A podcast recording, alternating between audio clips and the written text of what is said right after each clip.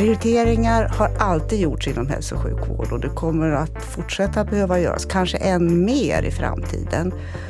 Och jag tror att det här sättet vi arbetar nu med läkemedel är kanske svårt att acceptera och förstå, men det är ett sätt att arbeta väldigt tydligt och transparent med vad vi anser oss ha råd med och vad vi måste tacka nej till.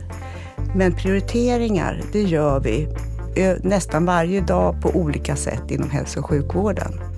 En, en sak som jag tycker är väldigt illustrativ med Anna-Karins drabbande berättelse av sin mm. situation. Det, det är väl att det, det så, så, tydligt så att säga, illustrerar det som är egentligen kanske den stora svårigheten med prioriteringar. Nämligen att vi måste ställa grupper mot varandra.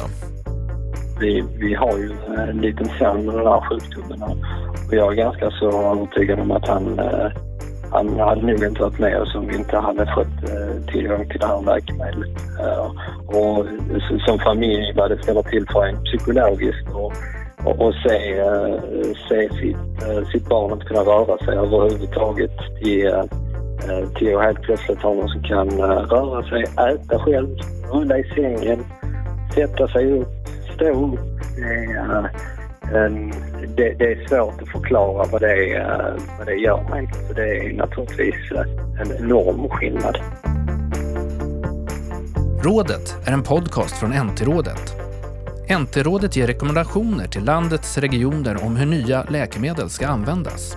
Information om NT-rådet hittar du på www.ntrådet.se.